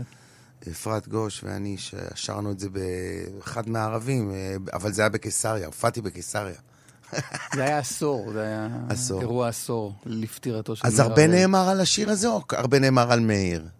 על השיר, אני חושב. כן. אני רק חשבתי לקרוא את הטקסט הזה ב- עכשיו, אחרי ששמענו גרסה שבו הטקסט לא עד כדי כך בולט. ו- ו- ו- ושימו לב, מאזיננו האדוקים, איזה מדהים הסיפור, וה... זה, כמה דימויים יש באמצע. שהוא, הם, הם טריים במובן שהוא המציא אותם לכבוד השיר. הם לא היו קיימים. דוד אבידן היה מלחין מילים. אתה זוכר, יש לו מילים מחוברות כאלה. אז מאיר הראל, הוא היה, לדעתי, ממציא את הדימויים האלה לצורך השיר. ואז הם היו הופכים לפעמים ל... אתה יודע, עברנו את פרעה, נעבור גם את זה. פה זה לא יאומן. וגם זה ברמה אחת, וברמה שנייה, תשמע, הגיבור של השיר הוא היפי סטלן בקיבוץ, שלא אוהבים סטלנים. אתה זוכר שקיבוץ זה... מצד אחד יש מתנדבות, מצד שני אנשים בסיירות. למרות שמאיר אריאל כאילו מגן על הגיבור שלו ואומר שהוא לא סטלן. כמה גם חשבו שזה העשב המתוק, אמרו הוא לא טיפס על עץ אם לא ינק. כן. הוא לא סטלן? אבל זה נשמע כאילו... אמרו עליו לא, שהוא היה הוא עולה לא- כדי לעשן, אבל, אבל לא. המשפט הזה לי אומר, נכון, הוא היה סטלן, אבל הוא לא היה מעבר לזה שום... זה לא עשה נזקים. תראה, הוא באמצע, אנחנו יודעים שהוא שוכב עם אשתו של אחד האנשים, ואולי אפילו עם איזה בחור. הוא עשה הרבה בר... בלאגן ארול. בוא נשמע רגע את הטקסט. תראה, זה למען באמת אה, מטיבי לכת, מה גם בעידן הפואטרי סלאם, זה לפרצוף. בסוף, מצאו אותו זרוק מתחת עץ אשכוליות אחד. חשבו שזהו זה. הרי הכל יכול להיות מחד. מאידך, התברר, לפי שהיה בסדר. שתי סטירות הוא התעורר, אם כי בדרך אל החדר. הוא, הרול, חשב שאם ממילא גוררים אותו שני אלה, ושקע שוב בתנומה. נו מה? כל עוד נמשכת הגרירה. זה רק נגמר בעוד סטירה, ארול ארול. יום אחד הוא צץ ממעבה מחלפותיו, ואז כולם ראו את, את הלבנונית. רוחיק אהבה אותו למרות התקפותיו, גם צילה של יהודה נון, התמנונית. יום שבת אחד, הפיוקים מקיר לקיר. חולף יהודה נון על פני מחסן פחים, הוא שומע משהו משם והוא מכיר, והוא נכנס לשם קשה ללא רחם. מאוחר יותר אוכלים את נון ההיסוסים. אולי אסור היה לו ככה להכות. הם גוברים ככל שנמשכים החיפושים, זאת. היא הייתה שצריכה לחטוף את המכות. רוצה מכות? ורוח... ורוחיק אהבה אותו, אומרים שגם אביבה, ויש אומרים יסוד סביר לחשוב שגם עקיבא. בסוף מצאו אותו, אני לא חוזר על החלק הזה, זה חוזר עוד פעם. כל מיני מראות, ריחות, קולות ולחשים ניגנו עליו כמו איזה אורגן חשמל. הוא נתן לשמש, לרוחות, לאנשים, אבוד כל כך, כמו תינוק שלא נגמל. ליל שרב אחד, כל כוכביו כמו נמסים, וארול החוגג סובב בתחתוניו, מתנשם ממה שמתפרקים הפרדסים, אך פוגל השומר מחריב את אישוניו. פוגל המיוזד דורך את הזה, לוחש עצור, עצור, הוא מכוון אל הלבן הזז הזה. עקב הוויברציה בידיו נמלט לו, נפלט לו צרור, נמלט לו כתוב, נפלט לו, נמלט, נמלט לו צרור, בין הנוטבים חומק לו ער או להוזה. הוא מתמגנט לחשיכה, במקום שם יש כאילו. למחרת, שוב אחריו החיפושים התחילו. כל פעם שבחצר היו שומעים מכה, ידעו שארול שוב נפל מעץ התות, ענפיו נתנו לו את ביתם דממה רכה, והוא היה תופס אותה איתה מין שוטטות. את אותו דבר נת, נתן לו עץ אשכוליות, כמעט אותו דבר גם אקליפטוס אוג, וזה מה שחשבנו שהכל יכול להיות, כל פעם שהאיש פרח לו ונמוג. כל מיני חשבו, כמו שאמרת מקודם, שזה העשב המתוק, אבל הוא לא טיפס על העץ אם לא ינק. אמרו, סליחה, הוא לא טיפס על עץ אם לא ינק. כמה גם חשבו שאי אפשר על כך לשתוק. הרחק הרחק עומד לו אקליפט ענק. התחלנו כבר לראות בזה דבר כמעט קבוע. את רוחיק באה בגמגום חנוק שכבר שבוע. בסוף מצאו אותו זרוק מתחת עץ, מתחת אה, אקליפטוס אוג אחד, חשבו שזה מקרה רגיל ולא צריך לדאוג מחד, מאידך התברר שזה לגמרי לא בסדר. שתי סתירות, לא התעורר, גם לא בדרך אל החדר. היא הבינה זאת ממילא, גם בלי מבטי שני אלה. היא ראתה את זה מזמן, היא אהבה את זה. היא אהבה אותו. אהבה אותו. אז מה, בכיתי גם אני איתה. אני מי שאהב אותה. ארול, ארול. זה תמיד אני חוטף צמרמורת פה. עד עכשיו, מאיר לא בשיר. עד... הוא רק סיפר לנו כאילו זה מספר כל יודע כזה. שהוא לא, אבל הוא כן, הוא היה בקיבוץ והוא גם אהב את רוחיק. ובמשפט אחד, אחרי כל הבתים האלה, במשפט אחד הוא שובר והוא מצליח גם לאהוב וגם לקנא וגם לכעוס במשפט אחד שנועד את הכל. כן, תשמע, זה... זה באמת רמה מאוד גבוהה של שיר. ו... אה, אה, אה, לא סתם, הוא באמת, אני יודע, הוא באמת המאור הגדול. מאיר אריאל, אין הרבה מה... הלבנונית, גם כולם ראו לו את הלבנונית. צץ כן. ממעבה מחלפותיו. איזה יופי, כן. הסתפר קצוץ, הוא היה כאילו לא מסתפר, ואז הסתפר, וראו שכבר שיער לבן. לא, אבל לבנונית זה כאילו עברות של לעשות מונינג. נכון, אבל זה גם כאילו שהוא כן. הזדקן. כן. כאילו, עברו שנים, השיער הארוך הוא נראה עוד זה, אבל לא, הוא כבר היה בן 40 ו... יפה. Yeah. יפה. לאן נלך מפה? לאן נלך מפה? יש לי המון דברים שאני רוצה להשמיע, אבל אני לא... תראה, אני, אני חייב להשמיע משהו שאני רוצה, ש, שזה בשבילי. יאללה. בעצם כל התוכנית הזאת היא בשבילי, בסופו של דבר. ברור. אז uh, יש משהו שאני מרגיש שאני חייב לשמוע יחד איתך. בסדר? זרזירים בביצוע של הזבובים.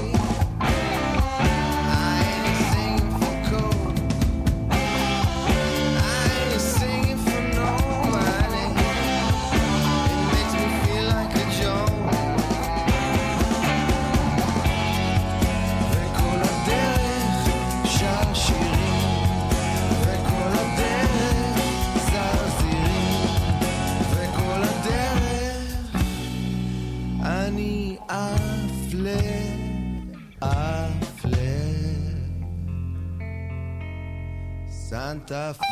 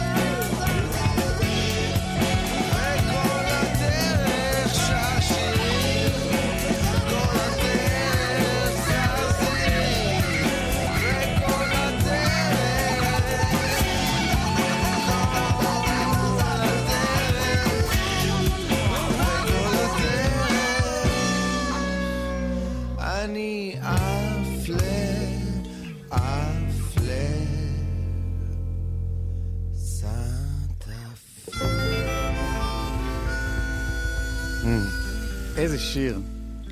איזה שיר. אני חושב על זה שאנחנו שומעים את זרזירים, ובכל פעם שאתה משמיע את השיר הזה, דע לך שאתה עובר על חוקי עכו"ם. אני אסביר לך מה קורה. יש פה בית שש- שהוא באנגלית, נכון? I ain't singing for Pepsi, זה? כן. I ain't singing for Coke, I ain't singing for for- nobody, it makes me feels like a joke. בדיוק. זה בית של ניל יאנג מתקליט לא כל כך מוצלח שלו, עם קליפ נחמד מאוד. אבל ש- בטח אתה שילמת, לא ושלחת מייל למי לא שצריך. ובדקת זה, אחרת אתה לא איש חסר אחריות. ידידי, מר ליברמן, אומר לך, לא עשיתי אף דבר מהדברים האלה. אני פשוט השתנתי נגד הרוח, וזה לא חזר לי לפרצוף בינתיים, אבל זה יכול לקרות עוד. אני רואה בשירונט, המילים אה, כתובות לי, מופיעות לי פה מול המרקע, כן. תחת הכותרת אה, מילים, מהמם. הקרדיטים הם של, שרון קנטור. אני חושב שזה פשוט על פי אה, אה, סדר אה, א' א', ב', אורן קפלן, מהמם. דן טורן, שזה אתה, שרון קנטור באמת מופיע בסוף. השם השלישי שמופיע בקרדיטים הוא מלבדנו? ניל יאנג. נכון. אה, אז הוא מקבל קרדיט בשירונת לפחות, מה שוודאי משמח אותו. אני בטוח שהוא מתרגש. אה, נדמה לי וגם אמרנו את השם שלו כמה פעמים ב-88 בשעה הזו. לגמרי. פשוט באחד האוספים שהוצאנו את זה אחרי זה, נדמה לי עכשיו באוסף האחרון, ב"לא ארזתי לבד", רמזו לי ב... בחלונות של נאנה, החלונות היותר גבוהים של נאנה, שבו לא נכתוב בקרדיט את השם הזה, כי... למה לעורר דובים? אה, כן, למה? לעורר דובים ביער? אה, סליחה. אז... אה, הוא פחד מורגש. אני רוצה אבל להגיד לך שמעבר לדבר הזה, מה בעצם הכותבים האחרים זה אנשים שגרו באותה דירה, שרון ואורן ואני, אה, אי שם בתל אביב. גרתם באותה דירה? כן, היינו שותפים לדירה. וחברים, אבל אתה יודע איך זה כשאתה צעיר, זה גם חברים וגם שותפים. אה, ואז אמרנו, אה, אורן הוא... האירוניה והציניות אצל אורן קפלן זה חלק מאוד אה, אה, חשוב אצלו, ו... אז הוא אומר, כן, טיול בארץ, אה, לאן תיסע? תיסע לצפת, תחזור, תיסע לנהריה, תחזור, תיסע לאילת, תחזור. איזה מין טור נעשה, מה אתה יודע? אז, ועל זה השיר. כאילו, אז אמרנו, אה, אהוד בנאי, זה, מצפת עד אילת, יורד מזה, נכון, איך השיר הזה, עיר מקלט. אז עשינו כאילו... בטבריה, על המזח יורד עד אילת. נכון. אז אנחנו עשינו כאילו זה טיול בארץ כזה, השיר הזה, שהם נוסעים לפה, נוסעים לשם, בסך הכל ישבו ברוטשילד, בגדול. האנשים האלה שכתבו... אני נפלתי. בקסטינה, מ-531. בחיים לא הייתי בקסטינה, ו- ומעולם לא נסעתי בקו הזה, אבל אתה יודע שיש קו אני כזה? יודע שיש קו כזה, ואני לדעתי, בגלל שאני קצת דיסגרפי, זה 351, אבל אני לא סגור על זה. נכון, זה 351, נכון. אני אתה רואה? הייתי שומע את האלבום הזה כשהייתי בשנת שירות. כן. היה לי דיסקמן. עם כן. ה- עם האלבום הזה של אה, בז, בז. של הזבובים. והייתי נוסע בקו, עשיתי, ב, הייתי באשקלון ועבדתי בשדרות, וזה כל האזורים האלה. והיה לי ב-351, זה היה, הפ- זה הופרט, זה הפך להיות קו של חברת האוטובוסים מטרופולין. או, סתם שתדע, של חברה טובה. של 351. יש אה, להם וי-פיי, ראיתי עליהם, כתוב להם על באמת? האוטובוס שיש להם וי-פיי. אז כן, וזה מצולם, הקליפ על יד התחנה, נסענו לצלם שם. אז אתה יכול לראות שם את מאור בעיר הולדתו, אשקלון. וואלה. כן. ואז הייתה לי פנטזיה כמה שנים, כי ביום היינו ליד הים, לזכור בקיץ, אולי אתה תהיה הפרטנר שלי, אתה ואיריס, לזכור בקיץ, אבל יהיה לכם תינוק, אתם גמורים. לא משנה, אה, קיץ זה עכשיו, זאת... לא, זה זה קיץ הבא ואתם נו. לא, לא ברשימה. לזכור באשקלון וילה על הים, כמה אתה חושב זה יעלה לחמש משפחות שיתחלקו ביניהם? אתה יודע, יש לך פה, יומיים באמצע השבוע, אתה יורד. אשקלון זה שעה מתל אביב. זה יעלה בגדול 4,000 שקל. על הים, באשקלון. אף פעם עוד לא, עוד לא... אבל אני עוד אגיע לזה, הפנסיה לפניי. אני בפנים. אוקיי. אני בפנים. הילד כבר יהיה גדול עד אז. אבל זה, עד שאתה תממש את הזה. אז זה נשמע, אבל כשיושבים ברוטשילד זה נשמע קצת כמו, כאילו, שיח סטלנים כזה. זה לגמרי שיח סטלני. מה אתה חושב שזה? והרוצה ביס מהשקשוקה, ו- וכל ה... בסוף, איך זה שכבשים עושות גבינה וסוודר, כן. זה נשמע כמו משהו שאתה זורק כשאתה ממש מסטול. כאילו נכון. כזה, בואנה, כבשים, יואו, איך זה עושה גם גבינה וגם סוודר, אה? אני לא חושב שזה משהו אחר. אה, זה הכל פה כזה דבר, וגם תדע לך ש... שוב, זה הכל מסביב למוזיקה. אורן, הוא עבד באוזן השלישית. אז את, היה לנו את כל ה... היום, כשאתה נכנס לאפליקציות האלה, יש לך את האוזן השלישית נכון. בתוך הטלפון אבל שלך. אז הייתה לך נגישות נדירה יחסית. נדירה יחסית בתל אביב. יכולנו להשאיל תקליט דיסקים ולהחזיר אותם. אתה יודע, זה מדהים. כן. מה אתה רוצה שנשמע? לפני ש... לשיר... אה, רוני ידידיה כבר פה. הוא פה. כן. יופי. אה, אז זה שיר שאתה אהבת בתור מאוד חייל. מאוד מאוד מאוד. בתור חייל אני גם ידעתי להצחיק, שתדע לך. נכון. אה. מי לא ידע? ובמדרגות הנאות האלה בגליל. כן, וואי, אתה יודע מה? יש לי פה כל כך הרבה דברים שאני רוצה להשמיע, אבל בוא נשמע דווקא משהו לא, פחות... אה, טוב. פחות מוכר. תגיד כמה מילים על עמיחי כץ. עמיחי כץ אה, היה ירושלמי שהיה לו מועדון שנקרא הסינדרום. אה, כשהכוונה כמובן לסינדרום ירושלים, מי שלא מכיר אה, את הביטוי הזה, ואני לא יודע אם יש פה בארץ אנשים כאלה, אבל אולי, זה אתה מגיע לירושלים ומשתגע. יש כזה דיבור שיש אנשים שזה קורה להם. ואפילו אם זה לא ככה, יש הרבה אנשים שמגיעים לירושלים, זה כבד להם האבן הירושלמית על הראש מאוד. אז הוא קרא למקום שלו הסינדרום, שבשנות התשעים זה היה הבית של הרבה מאוד להקות, וכץ, הוא לא הרשה שיקראו לו עמיחי, קראו לו עמיחי. אבל אתה מכיר אותנו, אייל זה אייל, ואמנון זה אמנון, ועמיחי. אז הוא אמר, עדיף שתקרא לי כץ. וככה קראו לו, והמועדון הזה היה שונה בזה שהוא נתן את 100% מהקופה לאומנים, לא משנה מי הם. אה, זה הגיע למצב כזה שאהוד בנאי ידע שהמקום הוא כזה מגניב, ולכן הוא ביקש שיסגרו לו שתי הופעות בצהריים ביום שישי, כי כל החבר'ה ניגנו שם. נגיד, ירמי קפלן, שרון מולדבי, אה, אה, כל מי שהיה לו שירים, כץ מאוד אהב אומנים. הוא עצמו ניגן גיטרה, והייתה לו להקה שנקרא חתולים השמנים. ואני הייתי חבר שלו. זהו, ואז הוא פשוט הוא חטף יודע... סרטן במוח באמצע... אם אתה מכיר את השיר לאן עפים הברווזים של אמיר לב, או מי שמקשיב לנו ורוצה אחר כך להסתכל, אז uh, אמיר לב מדבר, מדבר בשיר הזה על כץ. הוא אומר עליו שהם בשלג, הם, אני חושב שהוא נסע לעשות דוקטורט בהיסטוריה, כץ. הוא ואשתו דאז אה, קיבלו את הבשורה לסרטן במוח שם, והוא חזר לארץ, ואני הייתי איתו הרבה בתקופה הזאת, לא היחידי. הרבה מאוד אנשים אה, היו שם, חמי, אה, חמי רודנר, ערן צור, אמיר, נועם רותם, דנה, ואני היינו באים הרבה, אבל אני באתי הרבה במיוחד, וגם היה לי איזה... משהו איתו אה, מצחיק כזה, שכשהייתי מגיע לירושלים לפני עידן ה-GPS, הייתי אומר לו, הגעתי לשירותי uh, אה, GPS uh, אה, נייד, שלום, כן. איך אני מגיע? תזכיר... והייתי משחק איתו את זה כשהמוח התחיל להתפרשש. כן, הוא זכר טוב את הרחובות עד, עד הסוף. תיסע שמאלה בכיכר הזה. גץ, איך אני מגיע? לבית חולים וזה. כן. הוא היה דמות ירושלמית, אני כמי שהכיר אותו רק כלקוח בסינדרום, הוא היה יושב שם בכניסה. אה, ש... הוא היה איש גדול, איש לא גדול. שמן בבטן, אבל גדול, רחב, כן. מישהו שקשה לפספס. שאם מסתובבת במרכז ירושלים בעשורים האלה, כן. נגיד שנות ה-90 ותחילת ה-2000, אין סיכוי שפספסת את האיש. זה הרומא הראשון, זה צמוד לסינדרום. נכון. ואז זה פשוט היה, איזה מתקפה מוזר שאומרים את השם שלך כשאתה מזמין. נכון. ככה התייחסנו לזה. היה, היה עוד משהו, היה, היה כאילו, היה איזה שמועה על גבינה בשם חלומי, שפתאום התחילו לשים בסנדוויץ'. אז אני זוכר שהחבר'ה שלי אמרו, אתה חייב לטעום את החלומי הזה. כן, נכון. זה היה שם ברחוב הלל. בדיוק. אז מה זה בלב הים שוכן לו אי? שכץ אה, נפטר, אז אה, שלומית, אה, שהיא האלמנה שלו, וכאמור, אתם יכולים גם עליה לשמוע בשיר אה, לאן עפים הברווזים של אמיר, אז היא נתנה לי כל מיני דברים שלו, וזה אחד מהם.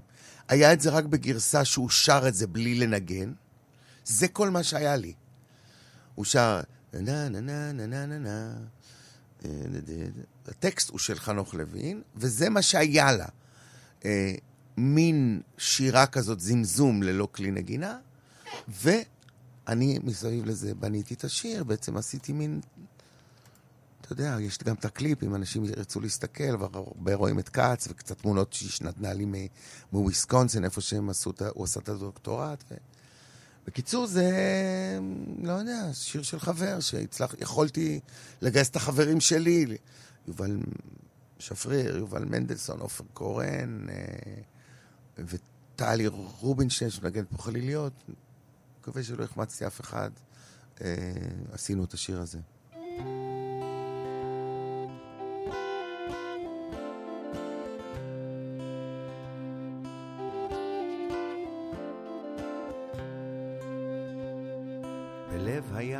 שוכן לו אי, אי בלב הים. שלוש עיזים ישנן באי, ואיש אחד יש שם. האיש צילינדר לראשו, שוכב בחול החם, בבוקר הוא קורא עיתון, בערב הוא נרדם. שלוש עיזים אוכלות פרחים, האיש שותה חלב. בימי אביב, ציפור קטנה חולפת מעליו.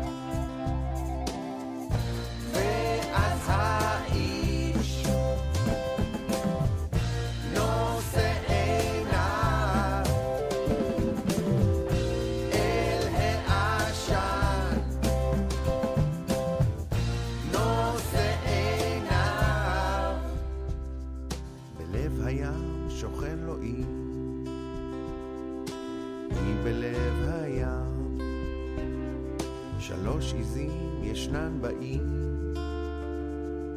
ואיש אחד יש שם.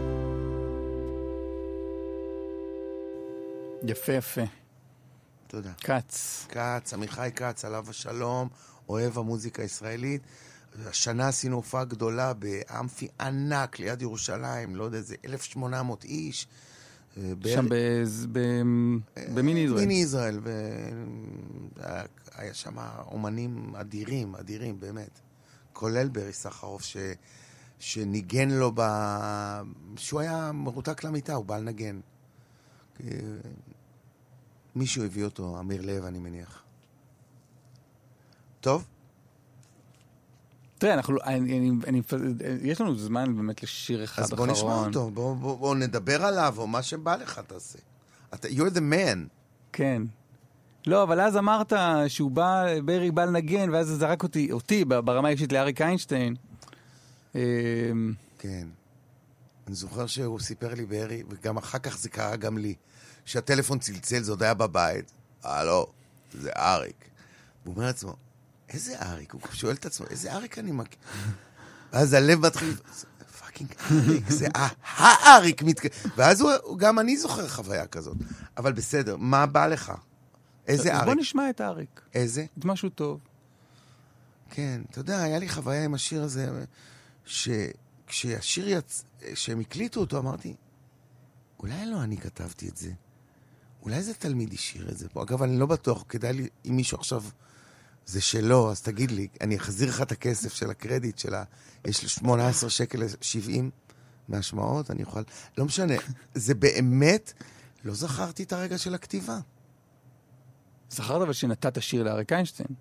אבל אולי, ברור, אבל, אבל אולי אולי זה לא... כששמעתי את זה מולחן, זה לא נשמע לי משהו ש... זה היה יותר מדי טוב, זה לא נראה לי משהו שאני יודע לעשות. מדהים. פיטר רוט הלחין, וכתב אחרי זה שיר אה, מתגעגע, איך אני מתגעגע, מאוד אה, אישי. ועכשיו כתבנו ביחד את השיר הזה, שהוא עשה עם מזי, זה שיר פצצה. אל תיקח אותי. רגע, אבל איך זה נולד? איך משהו טוב נולד? אין לי מושג. אני כתבתי, שוב, חוזרים לרמי קליינשטיין, שיר שנקרא טיול קצר. אמרתי, אריק מבוגר, סימה פחות, אבל אריק מבוגר. הם הולכים ברחוב. שוב אני מפנטז אותו על הזוג, וזה, והוא מראה לה איפה הוא גדל, וזה, וזה השיר הזה, טיול קצר, כל החיים הם טיול קצר, כאילו. ואת זה אין לי שום זיכרון. probably I was... זה, זה פעם ראשונה שכתבת לאריק איינשטיין. פה. בוודאי, ב- ברור. ואז הוא היה את הטלפון הזה, הלו, זה אריק. ואני, בראש, איזה אריק? והוא אמר לי שהוא אוהב את הפשטות של הטקסטים ומשהו כזה. כן. בוא נשמע. ואנחנו כבר נפרדים לדעתי. יאללה. זה. אתה מבין? בסדר. ככה זה. גם לי הייתה חוויית טלפון כזו מאריק איינשטיין. יש. על מה? לא בנסיבות טובות. אימא שלי הייתה חולה, ואימא שלי אהבה מאוד את אריק איינשטיין. ודרך כל מיני קשרים וקומבינות, אריק היה מתקשר אליה. יאללה. אריק איינשטיין היה מתקשר לאימא שלי, ומדבר איתה בטלפון שעות, פעם בשבוע, היה מתקשר. אישה חולה, שפשוט אוהבת את השירים שלי, והייתה בוכה לו בטלפון, כי באמת היא סבלה, ו... וזה... וואו. ואני הייתי ילד, ואריק היה מתקשר ואומר, שלום, שוש נמצאת. ואני, אתה יודע, זה קול שאתה לא, כאילו, הייתי אומר, מי רוצה? בן כמה היית? אה, זה כבר היה איזה, לקראת 14. אבל ידעת שאתה במשהו היסטורי. כן. ברור. כן, היא נפטרה כשהייתי בן 14, והוא היה מתקשר, זה מדהים, ואני, לא יאומן. כשהגעתי לגל"צ, אמרתי, טוב, יש לי נגישות עכשיו למספרי טלפון, נתקשר להגיד לו מה זה היה בשביל, בשביל אימא שלי, שהוא היה... כן. אבל אה, לא... לא, לא השיחה עזרתי הזאת. אומץ אה, עד ש... אז נסיים עם אריק איינשטיין, עם משהו. טוב, עם השיר ה... איזה מופלא מלך, זה. איזה מלך אריק, יאללה. תודה. אריק מלך ישראל. דן טורן, תודה רבה שבאת. מחר נעלה על הר הבית, זר להם.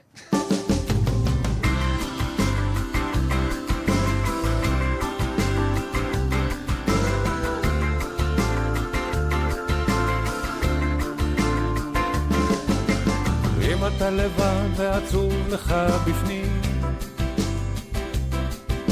הולך לישון וקם על הפנים. אם אתה רודף אחרי הזנב של עצמך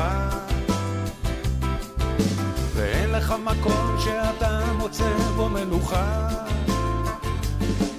אולי זה אומר שמשהו טוב הולך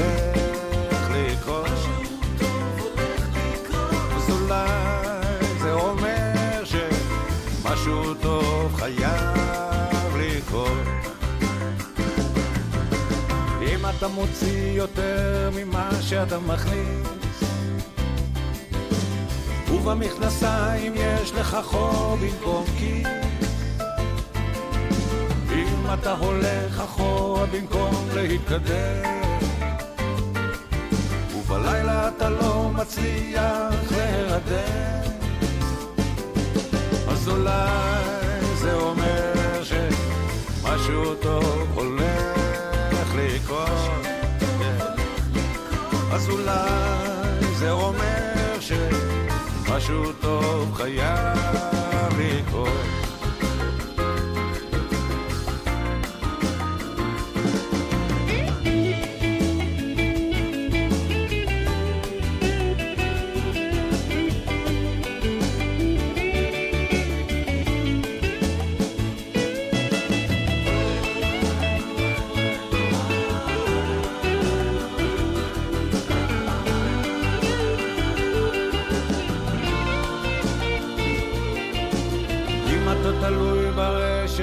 במקום לגלוש כאן עוד. להתחבר למוזיקה. בכל זמן שתרצו.